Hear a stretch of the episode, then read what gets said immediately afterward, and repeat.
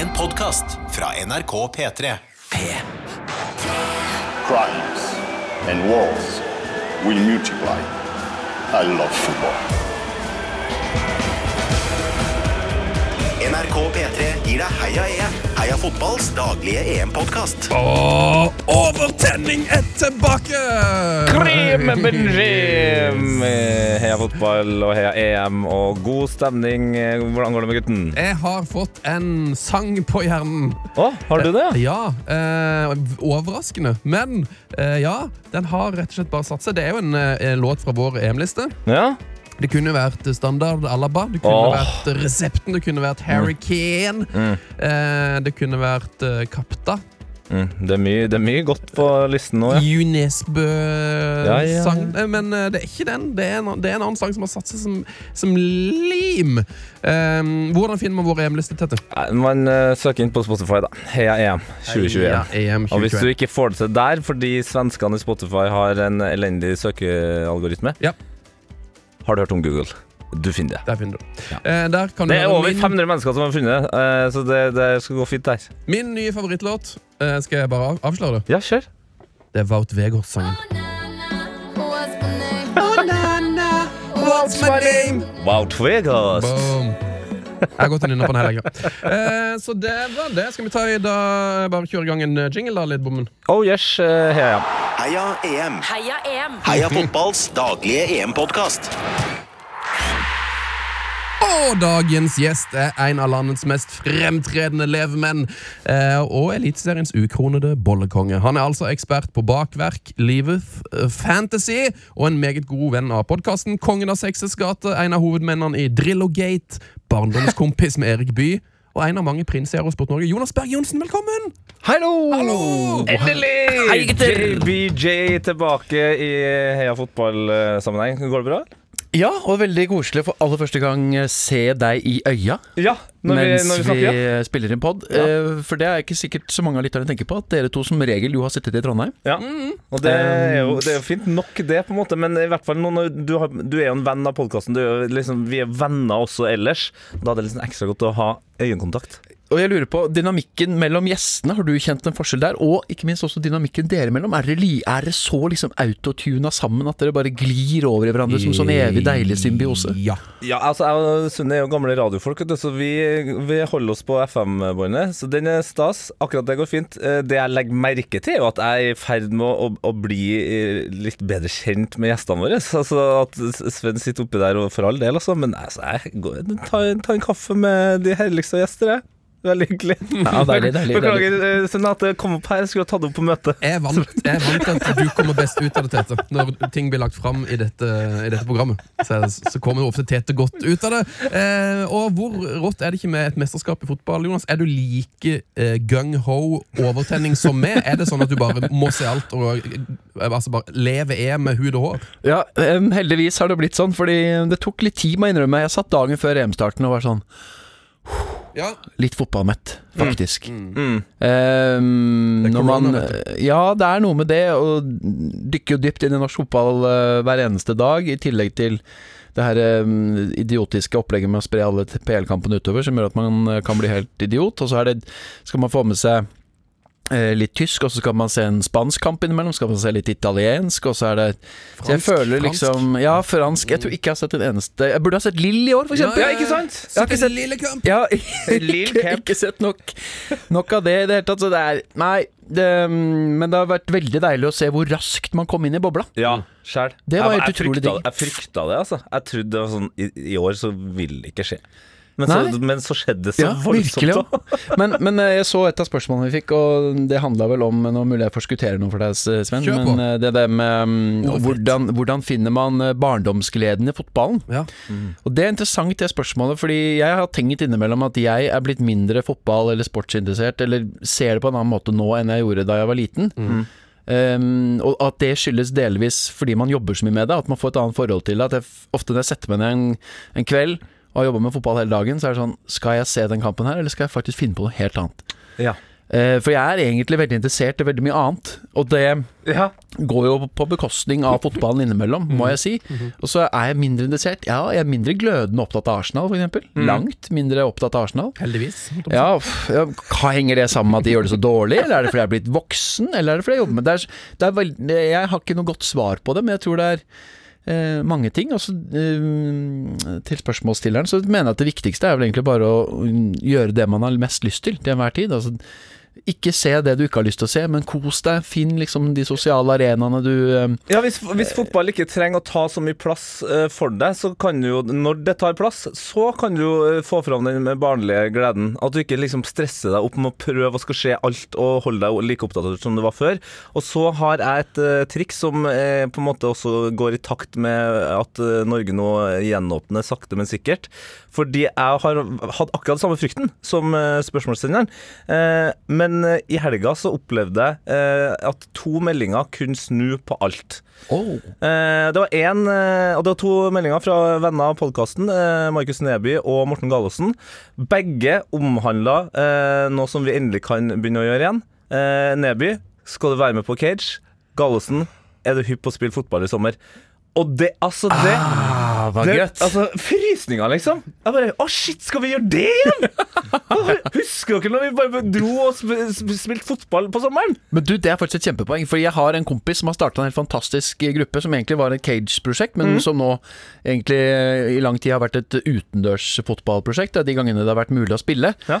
Nå er vi vel en 70-80-90 mann i den gruppa. De tolv første som melder seg på, får lov til å være med. Løkkefotball! Wow. På liksom lille sjuerbanen her, eller ja, cageball da, når det er åpent eh, og, og innafor. Så det er egentlig også helt fantastisk. Og mm, eh, bare det å liksom Altså happing, spille 3-2-1, 2-3-1, hva skal vi spille, gutta? Ja. Jeg vil spille på topp, han late spissen, du irriterer deg over han Ikke sant?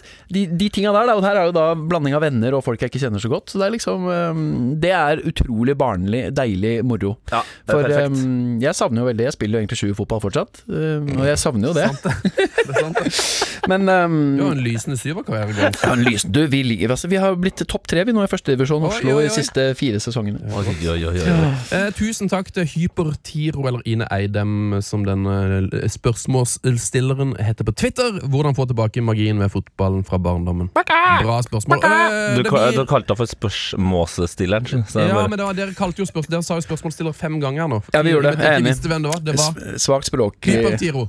Hypertiro. Det var gøy nå. Eh, Et annet lytterspørsmål fra Stine Gjerpebakk. Lurer på om lagene har egne treningsøkter der de tar, terper fall med dramatisk smertefulle ansiktsuttrykk. Ja. Godt spørsmål. Jeg, jeg tror bare det er Vi ser eh, i hvert fall eh, TV, Det har vi diskutert før òg. TV 2 leverer høyere eh, K enn NRK. ironisk nok. Der kjører de jo 4K. vet Du Du får det rett i fleisen. Det er tydelig. Det er bedre bilder vi ser. Ja, ja, ja. Ja, så det er lettere å se ansiktsuttrykkene. En av, en av de beste ansiktsuttrykkene vi fikk i, eh, i helga som var, da, EM-helga, det var jo Italia-Sveits. Nei, Wales, mener jeg. Eh, Ward, keeper der, ble jo da utsatt for et eh, heftig eh, frisparkmoment, der Italia satte opp eh, to forskjellige ekstramurer. Ja, Eh, det var helt Matrix. ja, på tre. Altså, tre stykker sto foran muren til Wales, og så tre eh, stykker bak. Men de er jo offside, så de kan jo ikke stå der når frisparket skal skytes.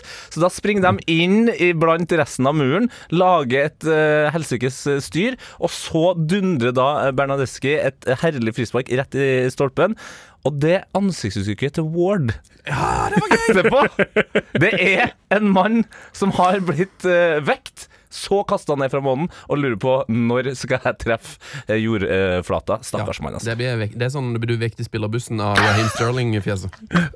Nei, det, det er ikke greit å si. Det er ikke Det, det, kom, det der kom ut helt feil. Det, Ja, nei, jeg har Jo. ikke sett det. Jo, jo, han er så eh, Det ser ut som han er liksom Walking Dead. Vi tar et lite spørsmål til fra Henrik Heimle Steinnes. Hei. Hva syns han om Dønnums, Dønnums behandling av bollene på SR Bank Arena? Det er mye bollespørsmål til deg, Jonas. Ja. Ja, det, jeg så det. mm, Jeg begynner å tenke at uh, hvor mange hvor, hvor, Ja, jeg har jo lagt opp Jeg har bydd opp til dette sjøl. Ja. Denne dansen her, den uh, Nå føler jeg at jeg står liksom på slutten av um, dan slowdance-sekvensen på juleballet i 10. klasse. Og Ja. um, det er fortsatt liksom Det er noen boller igjen i et hjørne, men uh, damene har forlatt åstedet. Men det er hyggelig. Det er, veldig, det er jo gøy. Jeg syns det er utrolig artig med uh, å kunne tulle og tøyse så fælt med både eliteserieklubbene og de herlige folka som jobber der, og bollemakere og whatnot. Så det er jo utelukkende morsomt.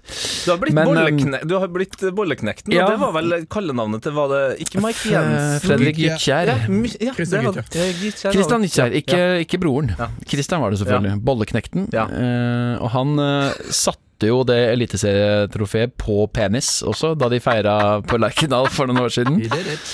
Yes, he did. Men um, nei, eh, de bollene der eh, Aron Dønnum Fytti katta, skam deg. Ja.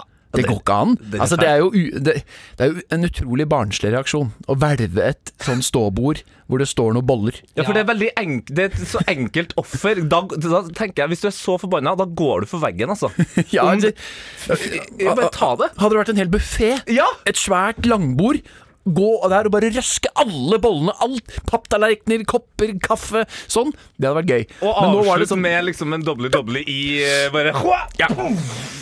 Mens nå var det liksom Det var fire-fem skolebrød da, som datt i bakken. Men eh, for å ta dønum, For å forsvare Dønnum litt, da. Han er jo en meget god mann på å liksom eh, få sjokkeffekt og lage overskrift i media. Det har Ja, ja. vært et genialt eh, Rolex-kjør han har hatt. Ja, ja, ja. Han har Helt, blitt Norges mest kjente, kjente fotballspiller. Og da er det jo veldig lurt når du først skal kante noe.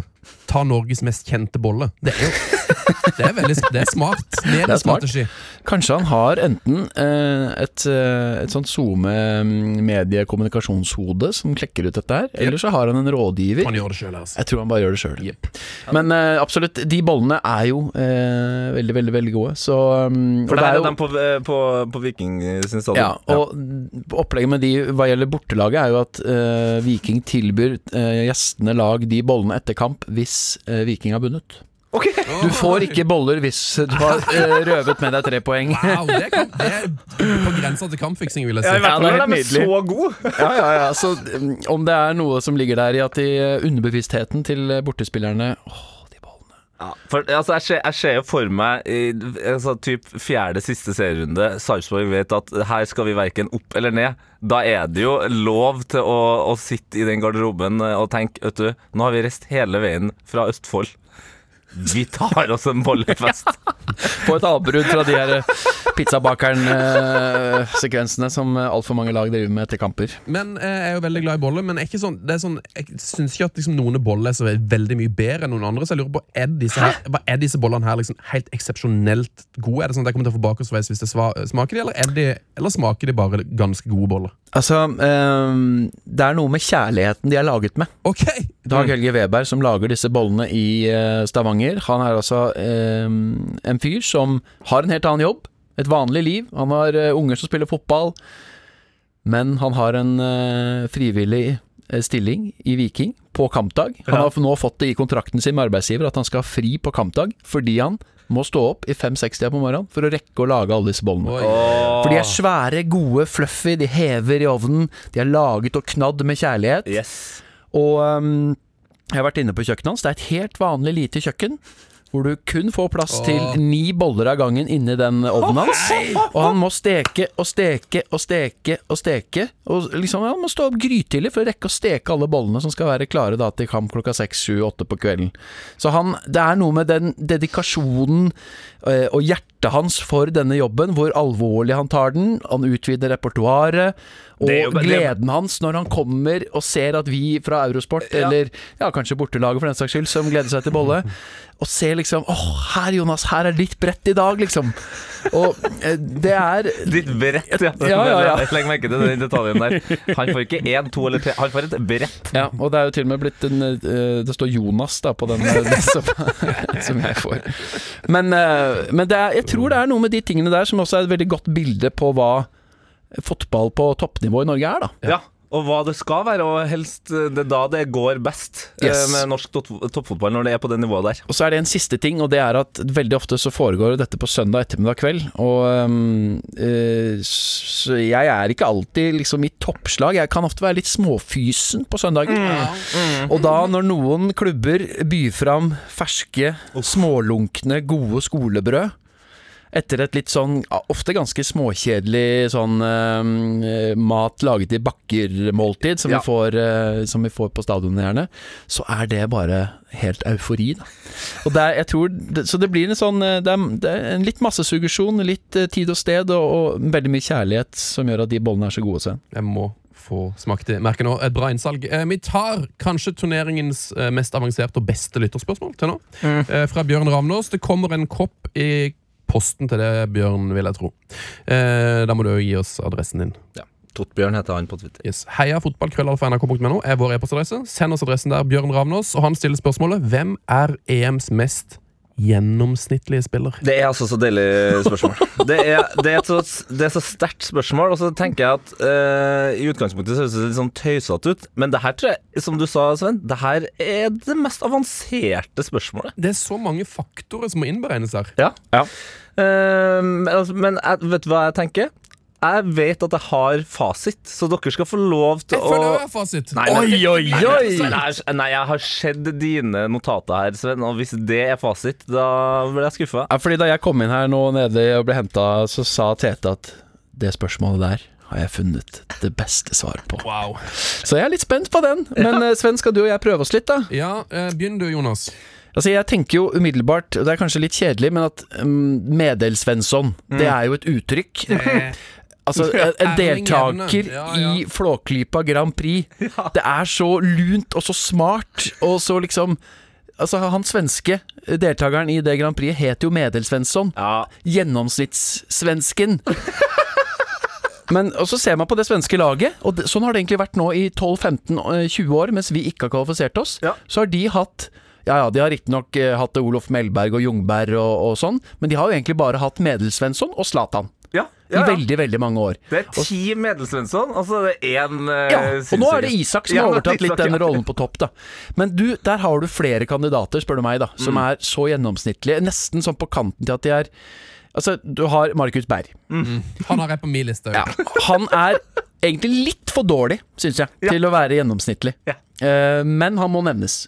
Sebastian Larsson, vært Mm. ekstremt gjennomsnittlig i veldig mange år. Men jeg mener at han ikke må være med fordi han har en eh, flott frisparkfot For og god frisparkfot. fortid i Arsenal. Ja. Um, og så er det ikke så mange forunt å holde på så lenge på så jevnt eh, nivå som han har gjort. Uh, men du har flere der. Uh, makkeren til uh, Viktor Lindeløf. Ja. Daniel Gustafsson. Han er gjennomsnittlig, han. Han ser ut som en sånn gjennomsnittlig midtstopper. Han kunne like gjerne spilt i Obos-ligaen. Ja, og han ser, altså han ser ak på akkurat samme måte som han ser ut som en gjennomsnittlig stopper, så ser han ut som en gjennomsnittlig eh, far eh, som er å hente i barnehagen. Han ser ut Ja. som en gjennomsnittlig mellomleder som, eh, som eh, surrer der rundt eh, på, på jobb der. Gjennomsnittlig fjerdedommer. Ja, altså hvis, hvis du hadde tatt den samme tolvtrikken hver gang i fem år, og, og tilfeldighetene skulle ha det til at det var han som satt og kjørte den, så hadde du ikke lagt merke til det. Nei. Før noen sa Har det, har det skjedd? Han har kjørt det hver eneste dag. Så tenker du ja, OK. okay, okay. Jeg trodde alle trikkesjåfører så, så sånn ut. Ja, så det hvis vi, um, Har du noen flere svensker, Sven, eller vil du videre? For Nei, jeg tror jeg tok um, Markus Berg var min, men jeg, jeg, også, jeg kjøper jo alle dine veldig gode argumenter. Eh, jeg har òg et par andre navn. Eh, for jeg har òg en, jeg har også en teori om at det, det er faktisk noen veldig gode spillere som kan være litt over, litt over middagshøyden, liksom, som er litt sånn på vei ned. Ja. Som er med litt på rutinen. Eh, så der har jeg skrevet ned Emre Can. At han, han er, har jo vært veldig veldig god i fotball. Nå, Ja. er, nå er han med litt på, på goodwill. Så han er jo, plasserer seg jo ganske sånn i bunnen av den tyske troppen, men jeg tror ganske midt i. ja, der. og så kommer han liksom inn hver gang og sånn. Men det var litt artig at du nevner det, for da jeg så Tyskland um, Portugal her, Ja. så var det noen som, eh, som sa bare Hvorfor, hvorfor kommer Emre Chan inn? Ja. Hva er han liksom Hva er det som skjer der? Hva, ble, slokna ikke det? Var ikke det liksom Jo, han, han prøvde å ta liv Og han fikk jo det til òg. Han prøvde å ta livet av Borussia Dortmund sine Champions League-interesser. eh, og han fikk det jo til. Eh, og det er jo der jeg tenker at han kanskje faktisk ikke er gjennomsnittlig, men han, altså, han er jo fryktelig god på å være dårlig når det gjelder. Ja. Det er veldig lite gjennomsnittlig. Ja, det er for så vidt sant. Og så er han Han har et litt for spesielt utseende til at jeg ville ha med. for handsome. Han har en skikkelig Altså, den manken. Uff. Ja, for, og det, det også, ikke sant? Ja, det er sant. Han er jo ikke gjennomsnittlig Nei. når vi på en måte legger merke til og stiller spørsmålstegn ved at han kommer inn. Så Nei, sånn, Nei. Da tar han for mye plass for mye allerede. plass, ja. En som ikke tar så mye plass, men som har akkurat samme rolle, akkurat samme ferdigheter som Emre Can. Spiller i samme klubb. Thomas Delaney. Yes! Fordi Han det er- Ja. Han er god i fotball, men det er ikke noe, det er ikke noe fyrverkeri. Nei. Ehm, og han er en av de første som dukka opp uh, på denne radaren. Ja, okay. Ja, han var det, altså. Det, det, um, han, han, er, han er litt sånn som uh, spill... Det er klart, jeg, jeg vet ikke om vi blir litt lurt av posisjon nå, fordi han gjør jo en jobb Ja, som er litt, ja. litt usynlig. sant? Det viktigste der er jo at han gjør ting trygt, er der han skal være. Men han, når han rop, han roper jo mindre enn Høibjerg, som gjør akkurat den samme jobben. Så Ja. du legger mer, mer merke til Høibjerg. Ja, måte. veldig. Og Høibjerg, sånn som han har stupt fram Ja. i en sånn uh, terrierrolle litt høyere i banen. Ja. Og når de har turt å stå høyt og sånn, har jeg vært utrolig til å legge merke til. Ja. Men da ligger jo Delaney bak der, og er gjennomsnittlig og, og rydder opp og holder på. Og han har også et veldig gjennomsnittlig utseende. Kanskje litt, litt, litt kjekk. Litt. Ja. Ha, har bra hår, vet du. Ja. Han har litt for bra navn. Det er, det som, det er Ja. derfor jeg stryker han litt. For det, det er Helt sånn man, man legger merke til han i lagoppstillinga. Ja. Ja. Thomas Delaney, jøss, hva er dette for et Oi, han spiller Ja, ja, ja. wow, han må være god. Og så er det sånn Hei. Han, han var hadde han spilt for Skottland og hett det, så hadde vi hadde vært mer ja. med. Yes, oh, De har jo hatt sine Delaneyer i Skottland. hatt Gjennomsnittlige. Delaneyer. Men jeg husker, og han var jo ekstremt iøynefallende da han spilte i FCK, i det oh. veldig bra Ståle-laget. Ja. Så, eh, Men ja, Delaney høyt, høyt opp på lista her. Ja. Skal, jeg, skal jeg komme med fasit, eller? La meg komme med min okay. siste. For jeg har, Ja, jeg har jo jeg har tenkt at det liksom, det som er, Spørsmålet er jo hvem er mest gjennomsnittlig. Mm. Og det må jo da være den femt beste spilleren på det laget som kommer på tolvteplass i turneringa. Mm. Og det er jo altså et av de lagene som nå ryker i åttedelsfinalen. Og et av de lagene som kan ryke i åttedels, som kan gå videre i dag, det er eh, Østerrike. Og der er det en fyr som har liksom dette her Emre Can-greia. Julian Baumgartlinger. Litt over toppen karrieremessig. Flyter på rutinen. Nå begynner jeg å nevne. Kom innpå og spilte ett minutt i åpningskampen. Mm. Eh, har vært god. Nå er, han, nå, nå er han grei, liksom. Det er en grei spiller. Ja, det jeg er helt enig, men, men her nok en gang da, så er det, det Han starter jo ikke, så han er på en måte ikke god nok til å være gjennomsnittlig. Altså Det er jo lett å glemme at gjennomsnittlig Ja, det er 23 i hver tropp, da, så det er jo egentlig tolvtemann som er midt i troppen. Jo, det, det er for så vidt greit nok. Det, det er et godt poeng. Eh, men, men jeg tror jeg har funnet eh, den perfekte. Gleder meg. Eh, og det er Vi kan bare starte med at han eh, selvfølgelig da, har spilt eh, 133 kamper for Nottingham Forest. Har brukt eh, Jeg er solgt 200, 280 kamper for Reading og spiller nå i Charlton. Eh, han heter Christopher Ross Gunther, og han har Uten at noen har lagt merke til det. Det er jeg helt sikker på, helt til, kommentatoren nevnte i eh, Wales-Italia-kampen. Det er han som har flest kamper for Wales. Men det er det ingen som har lagt merke til. Han har 102 kamper for Wales. Nei! Christopher Ross Gunther. Han har spilt flere OL-kamper enn Giggs, Rush, Bale. Men han har bare vært der. Han har, vært der. Han har bare vært der. Fantastisk. Han har aldri skåra et landslagsmål. Ja! Nei, dette er veldig veldig sterkt. dette Og når du, fordi når du eh, jeg, jeg tenkte at vi kom til å lande på de britiske øyer her til Ja. slutt. Skottland eller Wales. Men og når du ser den forsvarsrekka til Wales Ekstremt gjennomsnittlig. Se Men de på- får til se på- noe sammen. Se på Og- bildet av, av Gunther. Ja. Altså, Ja, ja, ja, ja, ja, ja, ja. Om han hadde stått om, om han hadde stått i hjørnet på puben ja. En av en million. En av, Som ser sånn ut ja, i England. Han er en fyr, og så har han på et mirakuløst vis eh, blitt toppfotballspiller. Han er så gjennomsnittlig at han eh, er 1,80 høy. Ja. Det er det mest gjennomsnittlige du kan bli. Wow. Og så er bra. oppkalt, oppkalt etter to karakterer i Friends. Det er ikke så verst. Eh, det er helt enormt. Men at han har flest landskamper for Wales Ja. Herregud. Det er okay. helt utrolig. Ja, bra. Gratulerer. Det blir en pris til det, Chris Ross Gunther. La oss ta helgens kamper. Ok, Vi begynner med Italia-Wales 1-0. Mm. Pessina, som egentlig ikke var med i troppen engang. Essa inn et frispark der. Han inn et mål Men, men det jeg la mest Altså Det var jo flott slått frispark for Verratti. Godt å se han tilbake nå. Men altså den gleden over det målet! Ja! Hele laget! Ja. Alle! Igjen! Og de italienerne har jo vist en sånn glede rundt skåringene og seierne sine til nå, som har vært helt formidabel og veldig til å legge merke til.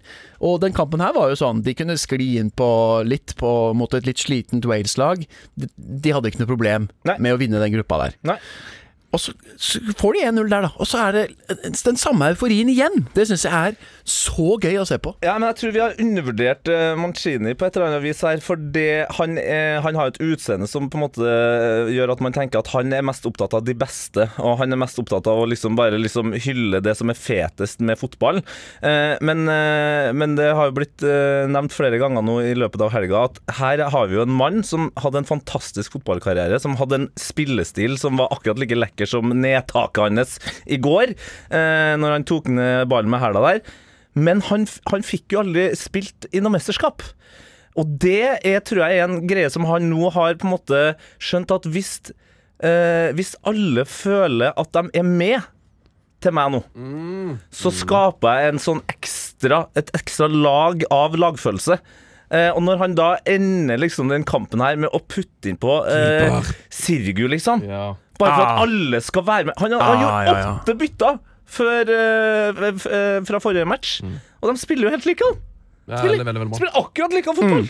Eh, Italia nå 30 kamp uten tap. Tangerte en 82 år gammel rekord. Vinner altså igjen. Uh, Men, men vi har ikke ikke sluppet i mål heller, omtrent, i Nei, nei, de de har bare- kamper på rad uten å slippe inn mål nå. Og, men det som jeg tenker her, for altså, Den rekka kommer til å ryke på et eller annet tidspunkt. Og uh, Det kan jo faktisk være det var det han prøvde på, da, men burde ikke Italia nesten bare tapt her for å liksom slippe å ha den rekorden he eh, hengende over seg, og at den ryker i semien? liksom? De burde tapt den, og sånn at de var klare for å bare vinne turneringa.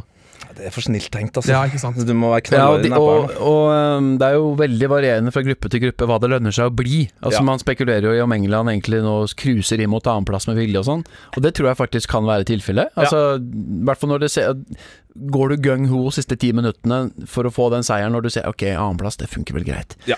Men, men uh, hva gjelder dem, så er jo historikken viser jo ofte også at de lagene vi forelsker oss i i gruppespillet, vinner jo sjelden mesterskapet. Mm. Det er det som er litt illevarslende, syns jeg, egentlig, når du går og ser uh, mesterskapene som har vært i vår uh, tid, da, på 2000-tallet, hvor ofte det gjentar seg at vinneren er et lag som har vunnet 1-0 uforholdsmessig mye, kanskje på overtid av eh, Altså ekstraomganger eller Ja. straffekonk, og hatt ganske lett vei til eh, semifinale, finale. Det gjentar seg jo hele tiden. Enten det var Hellas i 04, Portugal i 16, Frankrike i, i, VM ja, Spania i eh, Sør-Afrika var jo ekstremt. 1-0, 1-0, 1-0, 1-0. siden. Å, det var kjedelig. Ikke sant? Eh, og det er jo litt faretruende, da. Man glemmer også at England hadde jo en gruppe med hva var det, Tunisia og Panama sist, og så slo de Colombia uten Hames Rodriguez, og så var det eh, mot Sverige, Ja. eh, liksom. Og så møtte de et litt bra lag i semifinalen, men da var det jo semifinalen. ja, Da, da var har han jo mesterskapet strålende. Så det, det er litt sånne ting da som eh, jeg frykter litt nesten på vegne av Italia, men samtidig så ser de så bra ut nå, og fosser jo bare videre. Så Ja, så ser det, ut som de, det, ser jo, det ser jo fortsatt ikke ut som de har gitt alt. For det tenker jeg er liksom forskjellen. Og de prøver jo heller Det ser ikke ut som de prøver å underholde. Det er mer sånn Åh, nå er det åpent der. Da slår jeg den ballen. Kompis, du, ja, du er der. Ja, OK, greit. Jeg skal setter jeg den i mål. Og så er det sånn Å, da er vi ferdig med det. Ja.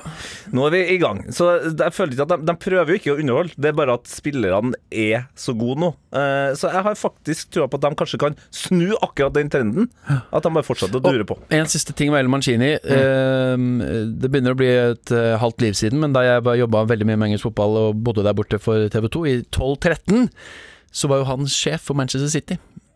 Og det var eh, vriene arbeidsforhold eh, som regel med å få intervjuer og alt mulig sånn, men Roberto Mancini Fyttekatta som han stilte opp.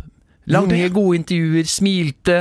Jeg var jo en ung jypling som ikke gikk i dress engang, og så sikkert subbet ut etter hans eh, øyemål. Han liksom, ok, null stress. Og i City var det ikke sånn at eh, de hadde ikke en pressesjef som egentlig var så jækla grei, de heller. Var, han var riktignok litt bedre enn hun der eh, Shotbolt i Manchester United. jo, Men, men, eh, men eh, han kom og stilte og var utrolig grei. Altså det, så jeg har veldig veldig sansen for, eh, for det mennesket, rett og slett. Nydelig. Han får jo James Han syns jo James Bond ser sjusket ut, da. Ja. Eh, bare så det er nevnt. Ja, Eh, Det er eh, for så vidt et poeng. Fy fader, sånn vi ser ut.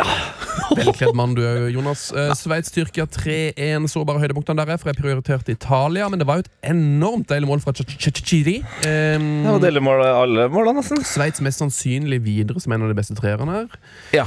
De kunne, jo, de kunne jo bare mate på de og prøve å få enda mer, fordi minus én har de nå i målforskjell. Så det, det er ikke sikkert det holder, men sannsynligvis. Ja, for, det, det, for de som ikke har brydd seg så mye om det ennå, det er jo veldig veldig vanskelig å ryke ut av dette mesterskapet i begynnelsen. Eh, nesten alle går videre. Fire av seks treere går altså videre til åttedelsfinale.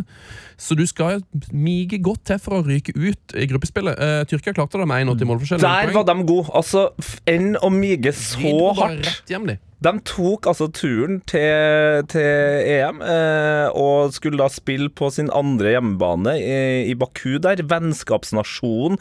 Altså, eh, fikk, eh, altså de har fått all eh, trygghet fra både president og eh, folk og si, som sa vi skal støtte dere som våre egne.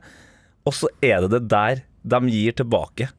Vi gidder ikke snakke mer om Tyrkia. Nei, Vi har uh, slengt Fytti helsike, det var dårlig. Men det var et fint mål fra Kavici. dårlig turnering. Men um, hva uh, Altså, hvem, hvem, har du oversikt over hvem som møter hvem? Er det noen som hadde, hadde Nei, giddet satt deg det- inn i dette systemet om hvem som møter hvem, og hvordan det ender hvis det, det, de forskjellige tusen resultatene går i de forskjellige tusen retningene? Altså, ehm, det finnes jo masse artikler um, her og der som beskriver status akkurat nå. The Analyst bruker jeg litt, grann, som har en veldig fin sånn prediction-modell og prosenttall og sånn.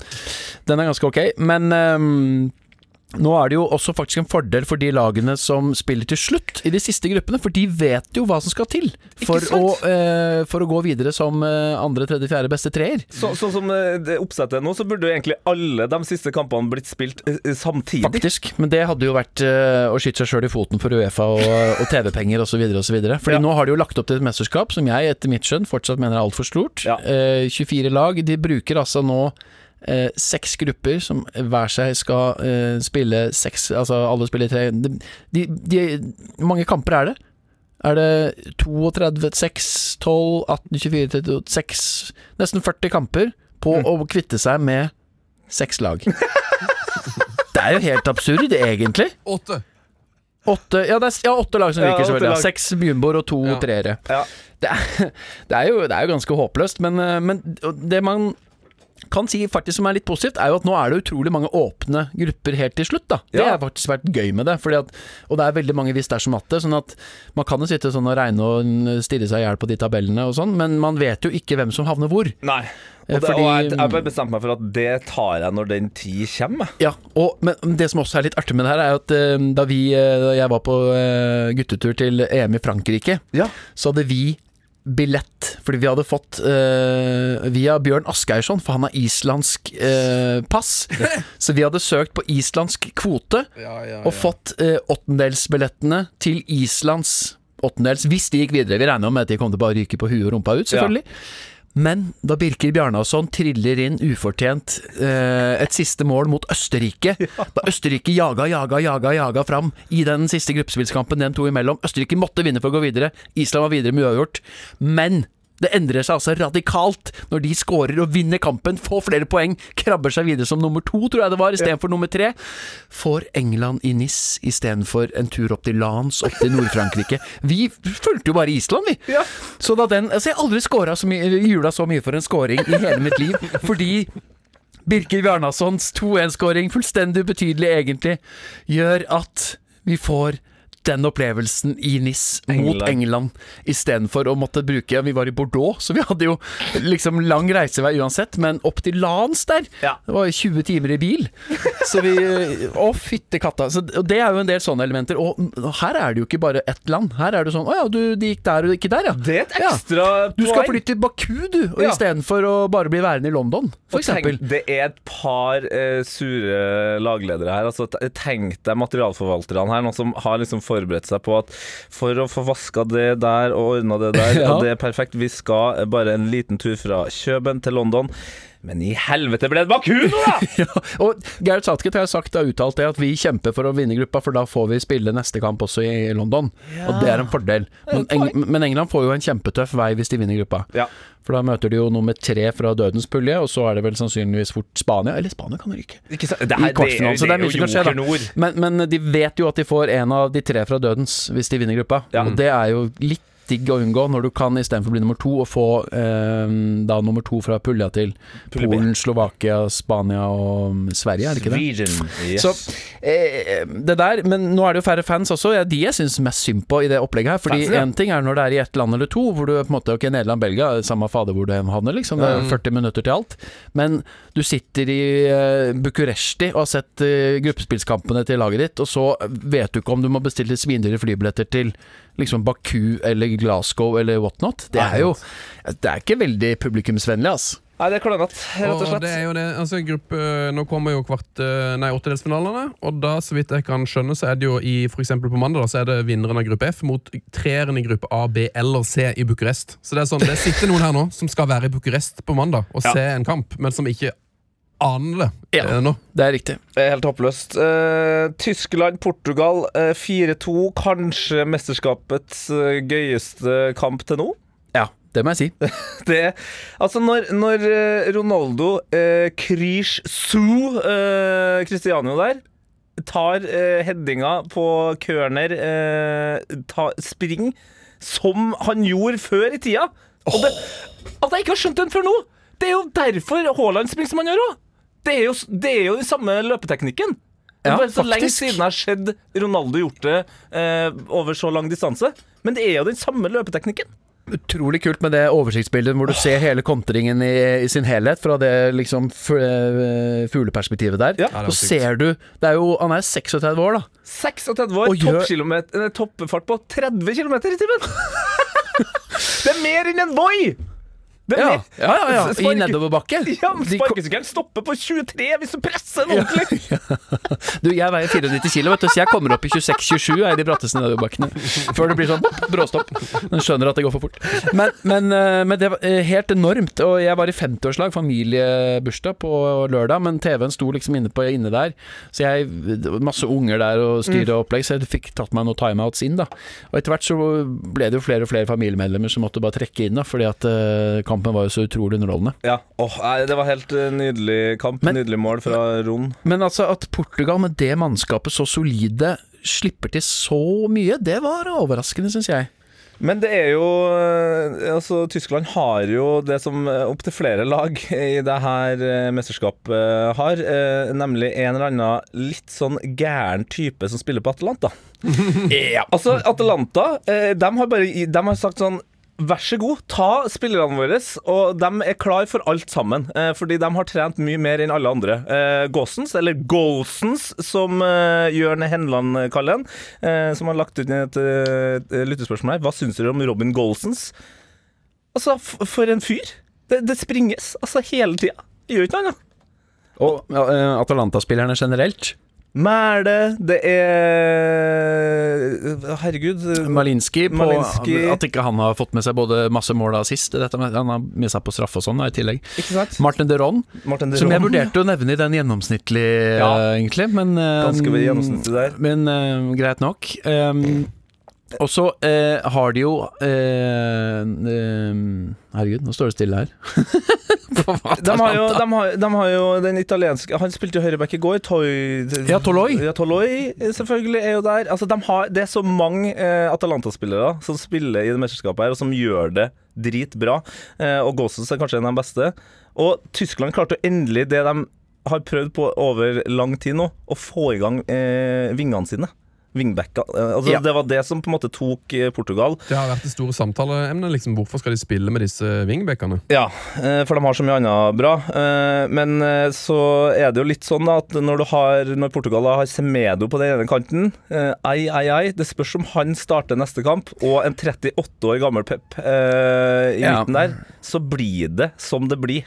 De er sånn. nok litt svekka ved at Cancelo er ute der. Ja. Semedo eh, Det holder ikke, det, egentlig. Nei, det er. Men, men det som er litt gøy med Golsen, så jeg syns han så faktisk litt kjørt ut mot uh, Frankrike. Mm. Da de uh, Når han drepte, drepte på VAR.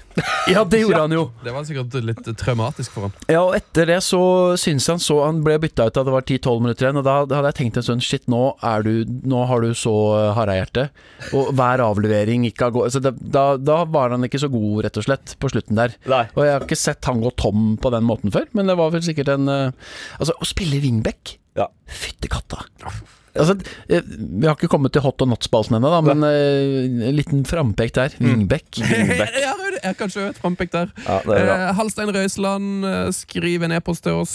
Hei, god mandag. Tusen takk for daglig oppdatering av sommer. Definitivt EMs høydepunkt så langt. Så hyggelig. Nå som Gosens herjet for Tyskland mot Portugal, er det på på tide å snakke om hvor mye wingbacken ligner på Lukas Podolski. Ja, det tenkte jeg på når eh, goalen kom der. Altså, jeg, hva skjedde der? Og hvorfor jo- hadde jeg lagt merke til det før nå? Kanskje det er Podolski. Kanskje han er back? Ja, Det kan godt være at han er ferdig med, med kebabsjappa si Kanskje. eh, i, i Køllen der. Eh, vi må nesten bare gønne på videre. Det har vært så mye bra kamper, og så mange kamper. Ungarn-Frankrike 1-1. Griezmann eh, redder Frankrike. Griezmann som til og med har fått skryt av Drillo i dette mesterskapet. Det er helt utrolig. for sin utrolig Dirk Coit-aktige jobb mot Tyskland. Eh, og Der har jo du vært tungt inn, eh, Jonas. I Drillogate, ja. Ja, det, det var jeg, gitt. Ja, men du var jo ikke den eneste som eh, bestemte deg for at uh, nå har jeg lyst til å si noe til den gode, gamle mann med altså så mye uh, fotballtyngde at man er jo litt sånn redd for at det kanskje er vi sjøl som har, tar feil. Uh, jeg jobber Det er altså, jo vi som tar feil. Ja, det, det finner vi ut av, da. Men jeg jobber jo til meg med i NRK, vi er jo kollegaer. Men har opplevd den som li, kanskje litt vel negativ til tider under mesterskapet. Det er liksom sånn, når han gir et kompliment, så kommer den faktisk etterpå. Ja, faktisk. ja Nå sprinta han, faktisk. Vært god, faktisk. Det var en god pasning, faktisk. Ja, nei, men det, det jeg reagerte litt på der, da, var Det starta med at jeg beit meg merke i at liksom etter 10-12 minutter så konkluderte eh, Drillo for så vidt, og med Christian Nilsen, at denne kampen, den har vært skuffende. Mm. Eh, Mellom Frankrike og Tyskland. da Den har vart i tolv minutter. Det er vel litt tidlig å parkere den fotballkampen, tenker jeg. Og så ble jeg og Når du først henger deg opp i noe, Ja. så legger du veldig godt merke til hver eneste involvering som bygger opp under det narrativet du har begynt å bygge for deg sjøl. Og jeg, altså Egil Drillo Olsen har jo snakka om fotball på sin måte siden han ble et kjent menneske i Norge på 80-tallet. Ja. Så har han proklamert akkurat det samme, og det er helt i orden. Og han har alltid, altså, alltid hatt motstand, med unntak av når det gikk som best med landslaget. Ikke Men sant? det er jo lett for folk å glemme. Eh, Folk i Norge hata Drillo-fotball lenge før Norge-Brasil. Yes, og etter hvert som vi ble så godt vant, så var det sånn at med, i kvalikene sånn til 96-98 og sånn der, at eh, ja, vi vinner jo en del kamper, men er dette liksom Skal vi holde på med dette i evig Ja, vi tid? begynte, til og med lille Norge begynte sånn Skal ikke vi underholde litt mer når, når vi Yes. først er så gode? Vi tapte ikke på Ullevål fra 1991 til 1990 Altså, det, det var Nei, men det var ikke underholdende nok. det var ikke bra nok. Tenk hvor mye vi hadde gitt for å komme tilbake til det Skal Vi slå Brasil på denne måten her. 4-2! Dritkjedelig på Ullevål! Men i alle dager da, folkens! Oh, ja, og, og, ikke sant? og den kjærligheten som eh, alle vi har til han, da, men vi må ikke glemme kanskje at det finnes noen under 25 som ikke har noe annet forhold til han enn som en sånn mytisk legende fra 90-tallet, og kanskje da som en litt smågretten eh, kommentator innimellom, hvis ikke fotballen spilles på de premissene han er mest glad i, da. Og det, altså, fotball, jeg er helt enig, øh, og som etter at jeg skrev den tweeten, øh, så var det jo veldig mange som svarte heller dette enn sånn unødig rettighetshausing. Ja. At alt er så fantastisk, og det anglofile er så perfekt med masse sånn TV 2-entydninger, og samme masse kritikk til oss som hauser norsk fotball og sånn og sånn. Det forstår jeg også, men det er vel en blanding av at uh, fotball det, er, det skal være så gøy som mulig. Det fins masse ræva fotballkamper, det er det lov å se innimellom. Eh, men at man er en del av en, tross alt en underholdningsprodukt, kanskje ja, bevare en viss positivitet, og ikke overdrive eller være helt usaklig, men selvfølgelig påpeke negative ting. Men liksom eh, få meg til å ha lyst til å se på kampen. Jeg blir nesten litt sånn dratt ned humør da, av, av den negative inngangen, og det Det er for bra analyse! Det er det som er det, jo, men jeg skal pirke på det der, fordi jeg syns ofte han sa dette er Han sa jo blant annet dette er søplete organisert forsvarsspill. Og han sa mye negativt, men jeg syns ofte at det mangla et hvorfor. Ja. Hva er det som gjør at dette ikke er bra nå på den og den måten? Eh, veldig ofte at, han er veldig opptatt av at de, de ikke spurter nok eller i forsvar. Da, i, mm, at de ikke kommer opp i press, at ikke det er bra nok bevegelse på midtbanen og sånn. Det kan, det, veldig, det kan man være enig innimellom, men det er klart det, det er noe luftfuktighet og noen varmegrader rundt omkring, og det er cool breaks, det, så det er jo ikke bare bare å sprinte, liksom i Og de sprinter jo mye mer nå enn de gjorde da han leda lag på 90-tallet, tross alt. Det er, fotballen er jo noe helt annet. Sorry, Leo. Ja, fuck, ja Leo og Roar Straden, kanskje unn unntaka.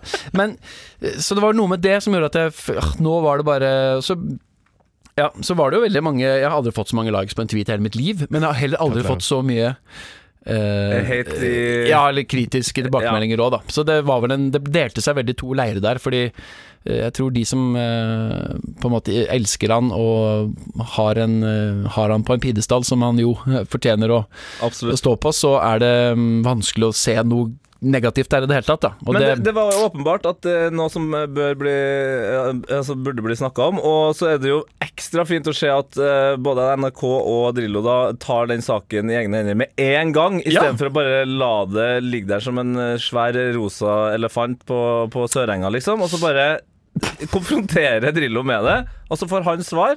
Og så svarer ah, han er, Og så svarte han. ja. Og så er han Drillo! Og det er jo liksom det som er greia her. Drillo er Drillo! jeg har møtt disse to laga fire ganger. Aldri tapt. Da er det end of discussion. 1-0 Drillo. Eh, Ja, fy faen. Spania-Polen 1-1. Morata skårte.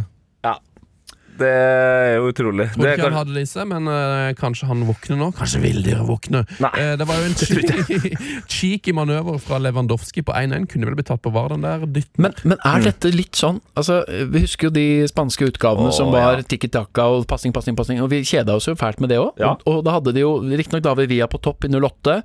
Så var det jo litt utfordringer. Fabregas, falsk nier, hvem er spiss? det var spiss? Ikke sant? Eh, fordi eh, Men de hadde Fernando veldig mye mål i seg. Nei, det var veldig Da, lite mål.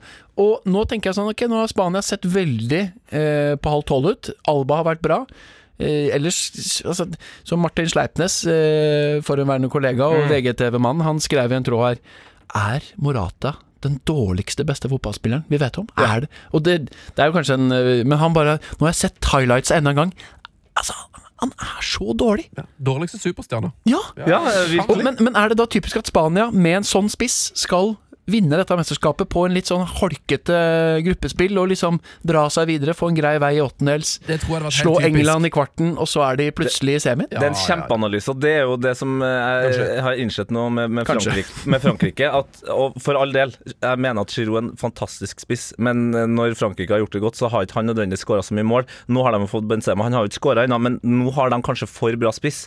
De hadde Stefan Guivarch når de vant eh, VM i 98, ikke sant? Nei, nei, nei. Og, og det er jo litt sånn, ja, Hvis du ser på det Frankrike-laget, hvis du ser på det Italia-laget som vant 2006 ikke sant? Det, var jo, det, var, det er jo aldri spissen som drar dem. Det, det eneste laget jeg kan huske eh, opp igjennom som på en måte alltid Ja. har en dritgod spiss, det er Brasil. Takk!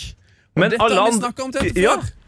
For det, eh, Du slakta meg jo i starten av mesterskapet. her Jeg sa England mangler liksom mye. Og da sa du de har Harry Kane, men det har ikke noe å si! Nei, Det- ikke sant? Nytter nytter ikke Harry Kane på topp. Nei. Og Harry Kane, selv om han sier han føler seg bedre enn ever, har jo ikke sett spesielt uh, påskrudd ut, syns jeg. Nei. Ser litt, litt sånn tung ut. Han er tung i, i rumpen, ja. Så Ja. nei. Det, det, det, det er en god analyse. Så jeg vet ikke hva man får av odds på å spille Spania som europamester nå, for de kan jo ryke ut allerede før denne podden er ute på eteren omtrent. De kan jo det. De kan det. De må sannsynligvis vinne nå. Det er jo et Mot eh, Slovakia. Så går Men det gjør de. De vinner 1-0. 2-1, et eller annet sånt. Eh, England-Skottland 0-0, den kampen som vi sammentete. Mm. Spørsmål fra Torstein Ryden Pettersen, som jeg tror mange lurer på.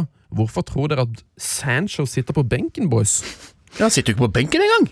Første kampen satt han ikke på benken, så satt han på benken. Eh, Er det en slags eh, tretrinnsrakett der, da? At han eh, fykes inn i 3-3-kamp? Eh, Nei, jeg er litt usikker, men Sancho, sånn som England spiller nå, passer jo ikke nødvendigvis helt inn i Southgate sine planer. Og det er helt åpenbart at Southgate, både med Sancho og Grealish på benken, har eh, litt annen tanke om eh, hvordan England skal spille, enn det folk flest har. Og det her er også landslagstrenertankegang nummer én. De driter vel om eh, spilleren er teknisk god og morsom å se på. Her skal det kun være funksjonelt. Ja. Og da er jo Sancho er jo den mest funksjonelle innbytteren når det virkelig ikke er noen andre nøkler igjen. Ja, kanskje, kanskje. Da skal det åpnes dører eh, fra han. Så det, Men det han kom, men han kom jo ikke inn, da.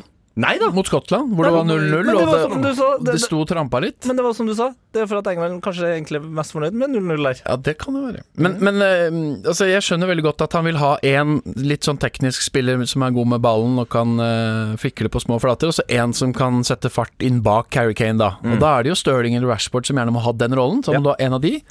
Uh, Stirling har jo vært helt forferdelig nå i eh, et halvt år, men har en veldig bra CV hos Southgate. Det blir litt sånn Markus Henriksen. Ja. Får ikke trene med A-laget i Høll. Får lov til å spille under Lasse Lagerbäck. Fordi han vet hva han får, og han har en eh, dedikert rolle som Lagerbäck eh, liker å ha han i. Mm. Litt det samme føler jeg med mm, Stirling eh, der, og når Rashford ikke er helt vel i topp fysisk lag, noen småskader og litt sånn med rygg og hofte og litt diverse, så, så ok, Stirling får spille. Og da så er det Mount, som har blitt også en slags kjæledegge, Ja. og når så lenge du spiller som de gjør nå, så er det ikke plass til så veldig mange flere av de her andre gutta. Nei.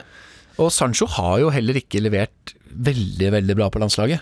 Nei, for det, ikke sant, det er det forskjellen. Han har levert som bare rakkeren i Dortmund. Eh, og til og med kommet tilbake etter litt sånn dårlig stemning med lag, og han hadde egentlig lyst til å dra og sånn.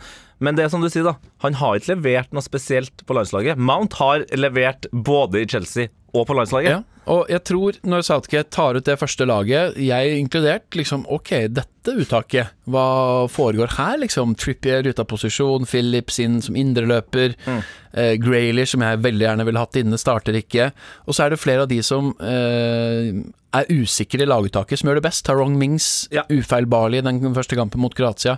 Så at Gareth Southgate har Jeg tror han har en, et, et, eh, en taktisk tilnærming og et lite sånn snev av magefølelse for liksom hvordan det her Han ser jo dette laget på en helt annen måte det vi gjør opplagt, men jeg, jeg, ja, nå må jeg innrømme at jeg faktisk ikke så så mye av den England-Skottland, for da var det andre ting som pågikk, men eh, Men det kan jo også være at det akkurat det England trenger. Da er, de kom jo seg faktisk til semifinale eh, med den samme manageren i, i VM. Ja. Og det er jo overtenningsland nummer én hva gjelder mesterskap. Eh, og da er, det, da er det liksom greit at treneren i hvert fall ikke blir med på overtenninga her. Ja. For da hadde de jo starta med eh, åtte offensive midtmannsspillere, og, eh, og Maguire starta skada.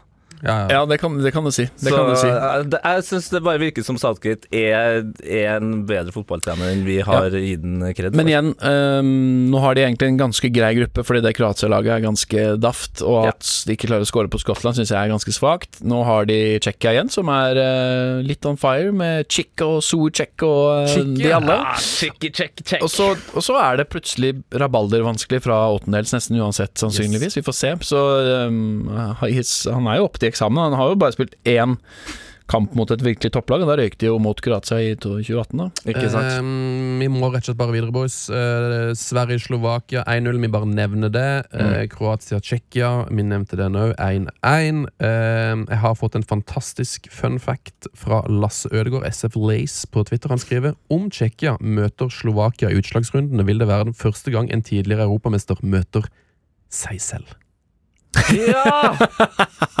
Er så Det er sterkt. utrolig. Ja, det er sterkt. Eh, Vote Vighorst skal spille kamp i dag. Ja. Ja, jeg håper han skal benkes. Jeg tror Han er ganske sikker på at han skal benkes. Slutt å Slutt! Wow, Wiggles. Eh, Nord-Makedonia, Nederland klokka seks. Ukraina, Østerrike samme tidspunkt. Hvem ryker ut her? Det, men det første jeg tenker er at Når jeg ser Nord-Makedonia og Nederland på svart på hvitt på en dataskjerm, så tenker jeg det må jo være det mest oransje oppgjøret i EM-historien. Eh, for Nord-Makedonia har jo altså da eh, rødt og gult flagg, eh, og Nederland er jo kjent som de oransje. Ja, ja, flaggmannen. Dette liker du. Ja, nei, men altså men, men, Og hva skjer hvis man blander gult og rødt? Ja, da blir det oransje. og Hjernen min er oransje nå. Jeg får lyst på Orangina. Jeg får lyst til å drikke den herligste Caprisonne mens jeg ser den kappen her, så det skal jeg gjøre! Men altså, hvem som ryker ut, det er veldig enkelt, for Makedonia er allerede ute, tett, eh, nei, Sven. Så det er veldig greit. Ja. Så de har ingenting å spille for. Nederland skal uh, prøve å hvile noen og finne en rytme og fortsette. Kanskje få i gang Memphis Depay enda litt mer. Mm. Har vel ikke vært helt Barcelona der, Depay, eh, som han har blitt nå. Stemmer det. Kjempefornøyd med det. Mens eh, Ukraina og Østerrike, der er altså oddsen for uavgjort vippa til godt under to. Overalt. Ja. Ja. Det markedet her Nå skjer det. er spilt ned fra liksom vanlig uavgjort odds i sånne kamper, i, som er høvelig jevnt, som ligger på 3, 3,20, 3,50. Mm. 1,90, 1,95. Og det jeg syns er litt rart med det, jeg skjønner ikke hvorfor er det så given at både Ukraina og Østerrike er så happy med å spille uavgjort og bli nummer to og tre. Fordi, ja, Østerrike, hvis de spiller uavgjort nå, så går de helt sikkert videre som eh, en av de fire beste treerne. Men de blir nummer tre. Det er jo Ja. litt digg å bli nummer to. Ja, det er et godt poeng. Og hvis ikke de vinner over Ukraina, så de bare, kan de ikke passere dem. Så jeg skjønner ikke hvorfor Skal ikke Østerrike gå inn for å vinne her? Ja, nei, altså det eneste jeg kan skjønne, er at, at de begge har null i målforskjell. Og at de, i andre gruppene så er det flere med minus målforskjell. Ja, at eksempel, det er den eneste grunnen. For eksempel Sveits, da. Ja. De jo, har jo fire poeng, men eh, minus én. Ja. Så Østerrike vet jo at de vil være foran Sveits med bare å spille uavgjort. Ja, Russland har minus to, for eksempel, og kan havne på tredjeplass. Ja, Russland har eh, 1-3, stemmer, og den gruppa der er jo kjemperar. Og der Danmark vil jo gå all, all in for å slå Russland, selvfølgelig. Ja. Og der kan vi fort få en treer som får bare tre poeng. Ja. Fordi vi tipper jo at Belgia slår Finland. Ja. Det betyr at hvis Danmark slår Russland, så har alle der tre poeng. Og da vet jo Østerrike selvfølgelig at de er videre med uavgjort. Eh, Mm. Etter all sannsynlighet. Og det vil jo fort være en mulighet for at vi får en treer også i den, kanskje den gruppa til eh, eh, altså Gruppe D kan fort få under fire poeng. Det er gruppa til England. Og så kan det også samme skje i Spania og Sverige-gruppa. Altså, det er flere muligheter her, da. Ja. Men jeg syns det er rart at oddsen liksom er blitt Det tyder jo på at alle vet at her skal de bare eh, trille ball i 90 minutter og spille 0-0. Ja. Eller i hvert fall havne på uavgjort, uh, hvordan du vrir og vender på det. Det virker jo sånn. Det virker sånn. Jeg syns det er litt snodig. Eh, hvis lag kommer eh, likt i gruppespill nå, så er det jo et salig kaos å skjønne hvem som går videre. For det, at det er jo da først Det som er førsteregelen her, er at det er innbyrdes oppgjør. Mm. Eh, og hvis det er flere lag kom, Hvis det er tre lag som har samme, samme poengsum, så da, slår, da får jeg salto i Ja, hjernen. Da er det innbyrdes oppgjør, de tre lagene imellom, og så Ja, er det ja, tre målforskjellen imellom. det er bare å lagene glemme uten en datamaskin Og- eh, å regne ut det der. Eh, så er det totale poeng. eh, Goal difference, goal scored, goal difference, goal scored. Altså, det er så det er masse greier. Men vi kan få en helt vanvittig opplegg i Danmark, Finland, Russland. Hvor Danmark til slutt kan gå videre på fair play. Yes! Ja, Okay. På antall gule kort. Og det er jo Fordi det er ikke noen måte å avgjøre det på ellers. Nei. De kan, eh, hadde det vært to lag det sto mellom, så kunne man hatt straffesparkkonkurranse. Mm. Mens det kan du ikke når du har tre lag involvert. Så det kan fort bli fair play-avgjørelse, det Ja, jeg vet, jeg, jeg, vet Tenk hvis jeg Danmark ta går videre på fair play, det er litt fint. ja, det, Akkurat det er litt fint, men jeg skal ikke ta den fair play-ranten eh, akkurat nå. Dere Kjenner jeg. som hater Drillo, kan jo kanskje se den Danmark med på dansk. For da kan du få, altså Tenk å høre danske kommentatorer kommentere at Danmark går videre på fair play. Oi, Det skulle jeg- oi, oi, oi. sake, man! Danmark er sko videre på fair play! Er ikke det så deilig? Det er meg deilig. Nei, Det blir en fin kveld eh, og et salig kaos på hvem som går videre fra disse gruppene. Eh, Skal vi gå til var eller var? Ja! Var eller var? Statsråd, er du for eller mot var? Var eller var? Er du var for var? Var eller var? Var eller var? Ja, ja. Ja, ja, ja. Ja, det blir bare bedre og bedre, den jingelen der, eh, Sunne. Den holder seg. Den holder seg. Vi hater ikke Phil Collins. Nei. Eh, han er hot. Men hva er not? Det er spørsmålet hot og not. Min hot er Nathan Akay, som er gullet nå. Han har, altså, det har vært snakk om det lenge, at han ligner. Men nå er han altså bare helt eh, Han er der. Uh, jeg har en annen hot, men jeg tipper kanskje at det er den samme som du har, eh, Jonas. Som i går til din hot. Der står det mellom to uh, ting, egentlig, for min del. Eh, vi har vært innom begge så vidt. Fordi en spiller jeg nesten hadde glemt hvor deilig det var å se ha tilslag på ball, er altså Sheidan Shakiri. Ja. De to avslutningene i går, altså begge to Det er noen som har Braut Haaland har noe av det samme. En sånn kontanthet og en, et, eh, i treffpunkt, da, med innside. Så kontrollert, og så inn i helskotten hardt. Altså Til og med med høyre! Som han, det første, første eh, touch med høyrefoten sin i hele hans fotballkarriere. To helt eventyrlige skåringer, syns jeg. Altså, når de baller fyker inn på den måten der, at du tenker at nettet ikke kommer til å holde, med innside oh. det er noe av det vakreste jeg vet. Og jeg føler liksom at han eh, Litt sånn bilde på Liverpools sesong som bare evig skadeplaga og fullstendig egentlig Altså ikke til stede, men så viktig for det sveitsiske offensiven. Og ah, for en trøkk! Ja. Men uh, han kommer bare på annenplass, for nummer én er wingbackene. Ja! Det er det samme som jeg hadde. Wing ja, det er det, ja! Ja, ja, ja, ja. Kan du- Dumfries, Gosens, Hernandez, Pavar, Munier, Spinazzola, Greiro, Alba, Kimmich, Sinchenko. Altså, for en gjeng! Ja, de er så med wingbacker. Ja. Ja. Eh, Og så har du de litt mer tradisjonelle også, som er egentlig vanlige backer, men også er deilige framoverbane, som type Kofall for, ja. for Tsjekkia. og som har vært eh, strålende gjennom hele sesongen, eh, egentlig. Så viktige de er for sine lag offensivt. Hvor mange målpoeng de har deltatt med. Ingen har skapt flere sjanser for Spania enn Alba. Eh, Maunier starter på benken i første kampen. Mål, assist inn der. Dumfries, hvem hadde hørt om han egentlig sånn på ekte? 25 år, kaptein for PSV og den viktigste offensive spilleren for Nederland. Ja, Og som dere snakka om i en pod her om dagen, liksom, ja, den store overgangen, den skjer nå. Ja, den skjer nå for Dumfries. Og da blir spørsmålet. Blir han en Kleberson, en Jemba Jemba, en Poborski, eller blir han en stor suksess? Kan bli en Macbeth Zubaya, det er jo ingen tvil om det. Jeg husker alle hvordan det gikk. Ja, Men er Wingbackene er så fantastisk. og, eh, og det her er jo et utrolig døst sammenligningsgrunnlag, men den overgangen fra å spille med fire bak til tre bak, Mm. mener jeg at Trenere kan snakke så mye de vil om eh, formasjon bare er tall, Mm. men den forskjellen er så stor. altså eh, jeg har jo da, eh, før 20-karrieren tok fart, så spilte jeg jo elver i voksen alder i mange år også. Og vi hadde ganske mange gode midtstoppere på det laget mitt. Og så var det en gang hvor vi liksom alle fem midtstopperne var der. Ja. Det var alltid en som var skada, alltid en som hadde en unge han skulle passe. Så det var liksom stort sett alltid at vi hadde to eller tre, så det var greit. Men nå hadde vi alle fem. Så han spillerne treneren vår sier faen gutta, i dag driver vrir vi om til, eh, til 3-5-2. Ja. Og jeg var jo da back på dette laget. Og skulle spille wingback. Fy faen, så tungt det er. Det er helt spinnvilt på en litt stor kunstgressbane, uvanna i varmen, Ja, borte på Ullern. Ja, det er utilgivelig, altså. Altså, øh, vi ble rundspilt, ingen fant posisjoner. Det var helt Altså, vi hadde jo selvfølgelig ikke øvd et sekund, og det er øh, breddefotball, men det, gjennomgangsmelodien i det her mannskapet var jo at det var masse gammelt talent. Ja. Masse gamle, gode spillere. Men ingen av oss som da vokste opp på 90-tallet, vi hadde jo nesten ikke spilt med trebekslinje. Ingen som har Man gjorde jo ikke det. Nei. Noe særlig.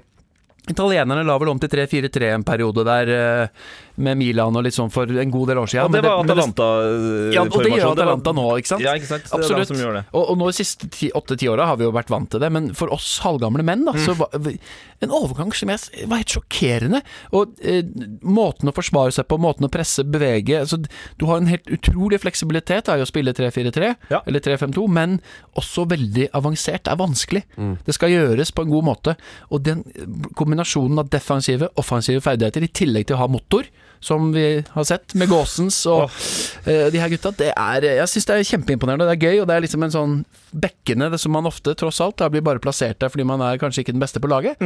De har fått virkelig sin revansj i det her eh, systemet, syns jeg. Helt enig. Ja, det er eh, påfallende. Og det er jo altså Du har Alba som er kaptein. Kimmich er jo en av de store stjernene, ledertype, i Tyskland, liksom. Du har Alaba, Sinchenko, som på en måte er sine lag eh, alene, og er playmaker, liksom. Det er bare Bekke som er stjernespillere. Det er jo på en måte eh, nesten noe nytt i en sånn turnering. Mm. Og enda har vi jo ikke sett den mest moderne bekken av de alle, i Cancelo, som eh, som jo spiller eh, sentral midtbane når han samtidig er back. Ja. eh, under Pep Guardiola. Det er jo det som er den Cancelo-kulturen som alle snakker om, eh, Tete. Eh, har du en hot eh, Lightbaum? Uh, ja, eh, jeg har en hot, eh, og det er jo noe som skjedde eh, under eh, Tyskland-Portugal-kampen. Eh, og det er to hots derifra. Uh, hot én kan jeg ta først, da, fordi den er mest relaterbar for oss her i Norge. Og det er jo da selvfølgelig at man sitter da eh, foran TV-en og ser ikke bare et blad uh, Bisgaard Sunde, men Tom Høgli i studio! Enn at vi får bror Eivind Biskov Sunde og Tom Høgli i samme studio. Det er stort. Det er faktisk eh, enormt. eh, Og med Melissa og Karina i tillegg der, så er det sånn Herregud, det, er hyggelig å se fotball eh, på norsk TV. Eh, Men den viktigste og ekteste, ekteste hotten deles eh, for de to største prestasjonene i kampen mellom Portugal og Tyskland. Og det var selvfølgelig portugiserne som trakk den, selv om de tapte kampen. Én Renato Sanchez sitt stangskudd. Kødder du, eller? Altså, tenk deg å komme tilbake til, til München stadion eh, og bare eh, så få ut all, all frustrasjon over hvordan det oppholdet ble, med, i det skuddet. Det hardeste har skjedd. På München stadion, ja. Ja, på München stadion, ja. ja men det har jo det det bytta navn, eh, for det heter jo egentlig Allianz Arena, og nå så heter det noe sånn Fader, hva de kaller det? Det nærmeste det heter Heia fotball-EM-stadion i München, eller noe sånt. Det, de, de har skifta navn på det. Har de endra det under mesterskapet? Ja, det er utrolig Ah, irriterende. dette har gått meg hus Ja, det er derfor jeg kaller det for München stadion. Okay. Eh, men det skuddet, men Ronaldos eh, eh, ball i hatt med Rudiger, er altså det mest chique jeg har sett.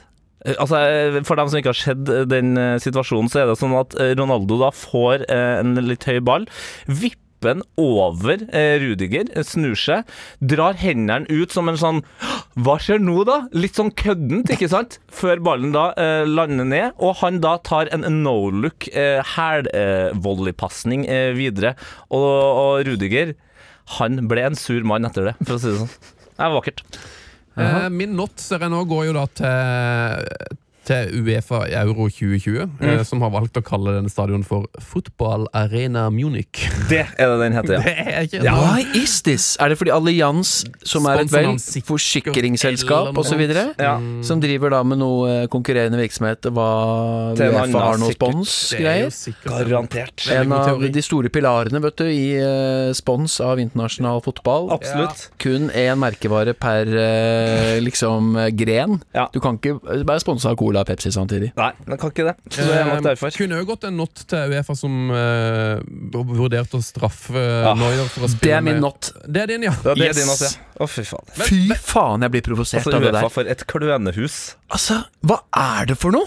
Hva er, hva er det? Hva er det for noe? Jeg, jeg skjønner jo hva det er, eh, men det er jo det er klønete. Men eh, også er interessant, for det, det som har vært en greie i fotballen i alle år, er at man skal ikke mikse fotball og politikk. Man Men det er bullshit! Ikke, ja, men Det er bullshit! Jo, det Ja. er det er Det gjør det så hele tiden! Qatar Ja. hadde ikke hatt fotball-VM hvis ikke Sarkozy hadde, kjøpt, øh, hadde fått solgt våpen til øh, Qatar. Ja, ja, ja. 100 og det Fotball er politikk! Da- Fotball er politikk, historie, kultur, folk. Jeg nekter å tro at det er bare dommeren og tre av spillerne på Italia som eh, skulle få lov til å fullføre den kampen sist, eh, fordi de ikke eh, satte seg på kne.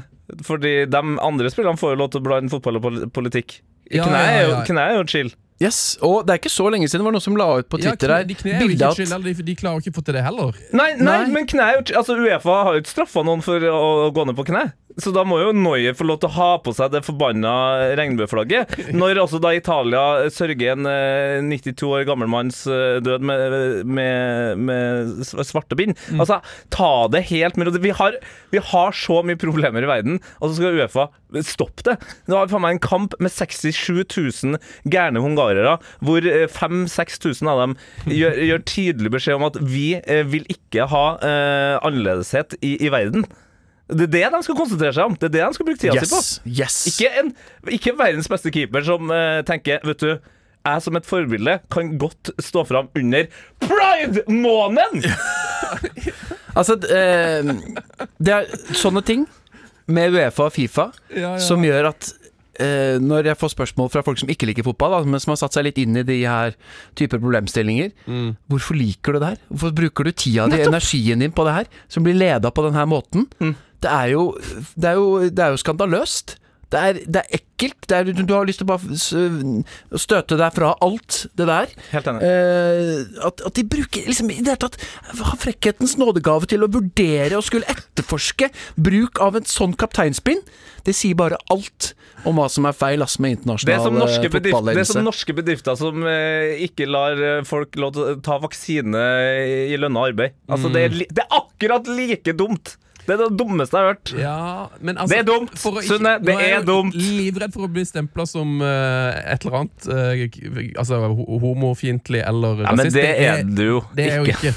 Eh, Men, altså, Men det det, det som jo er, problemet her, er jo at man, når man tillater noen av markeringene, så må man jo etter hvert tillate alle. Og det vil jo til slutt kunne ende opp med at vi får sånn eh, ti forskjellige markeringer før hver kamp. da Med alt mulig. Ja, for dette, men ikke det er et armbånd! Eh, Altså, det skal, det begynne, skal det bli kommunistisk? Skal alle ha likedan sveis?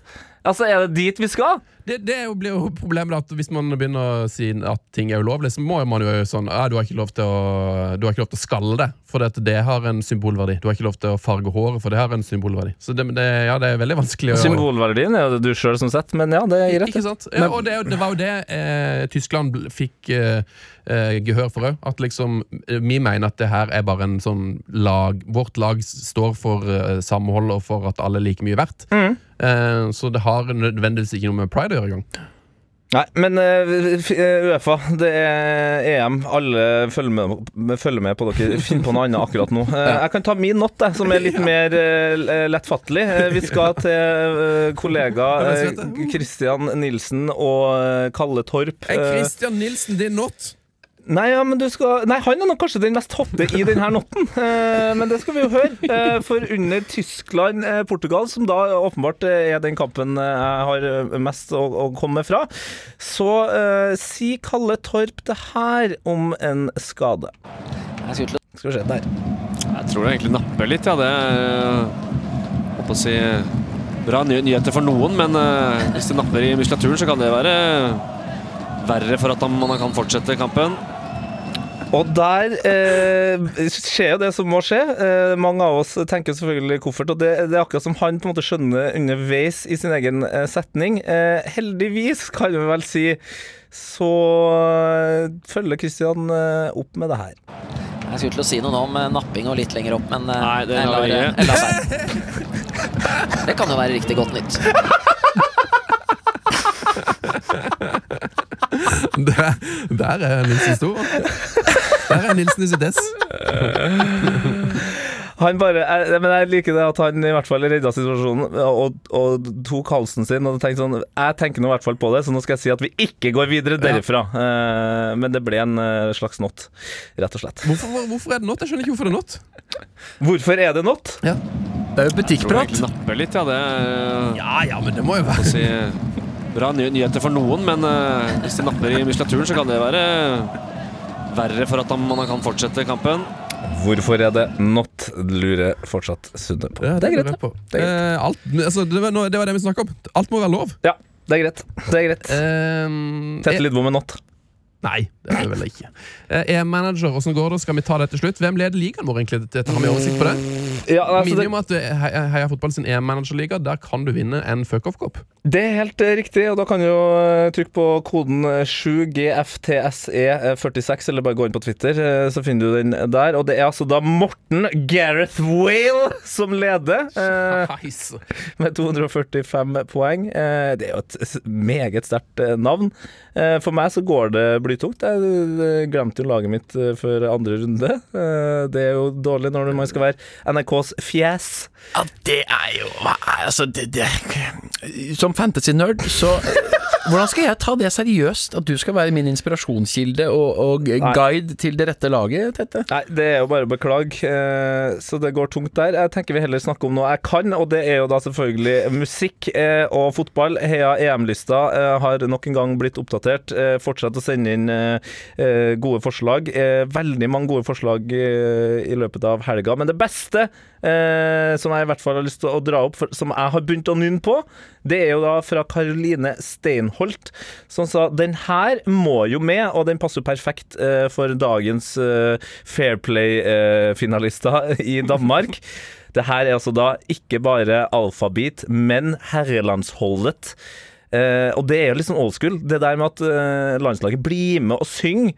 Uh, her, her prøver jo altså Paulsen, Høibjerg, Theo Eriksen er jo med og synger av full hals her. Schmeichel, selvfølgelig med en såpass jazzinteressert far, er jo en av dem som står foran. Og den låta her, den er fengende!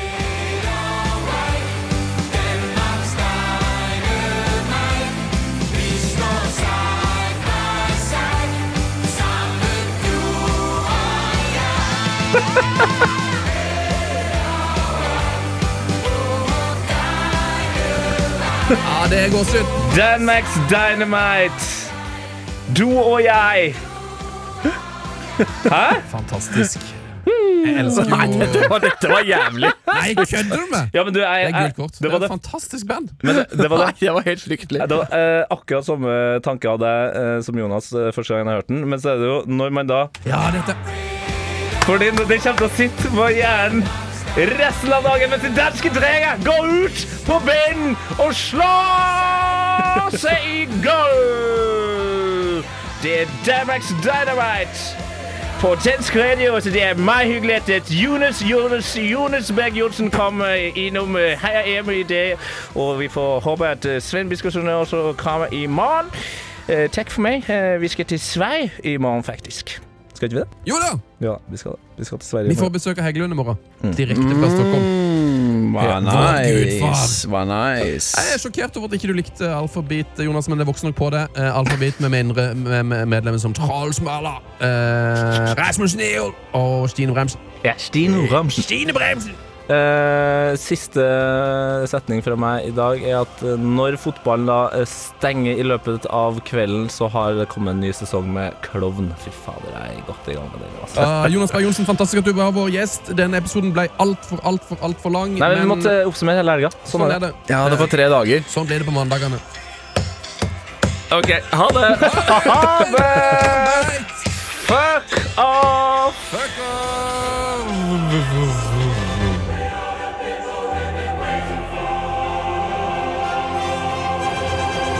Heia EM! Heia fotballs daglige EM-podkast fra NRK P3.